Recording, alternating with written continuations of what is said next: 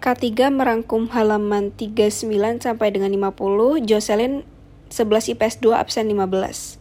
Alat musik harmonis itu adalah alat musik yang berfungsi uh, sebagai melodis dan sekaligus ritmis.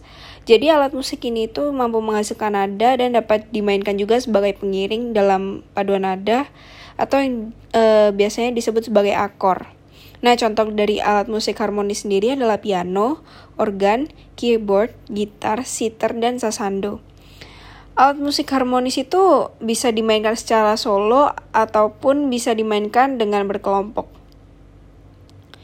Yang kedua adalah alat uh, drum band atau marching band. Nah, untuk dalam drum band atau marching band ini uh, musik persekusinya itu dibawa oleh pemain dan dimainkan dalam barisan.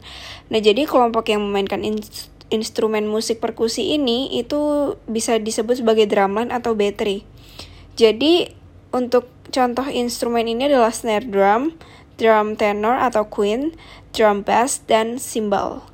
Jadi pukul, ada pukulan-pukulan dasar dan beberapa teknik-teknik dalam drum band ini. Yang ketiga adalah ensemble tiup. Ensemble tiup adalah ensemble yang seluruh instrumen musiknya itu terdiri atas musik-musik tiup.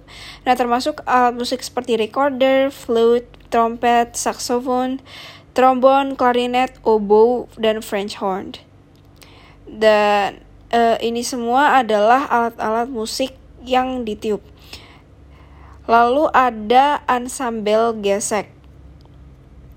Ensemble gesek adalah uh, ensemble yang uh, kelompok alat musik yang digesek seperti violin, biola, cello, dan kontrabas. Jadi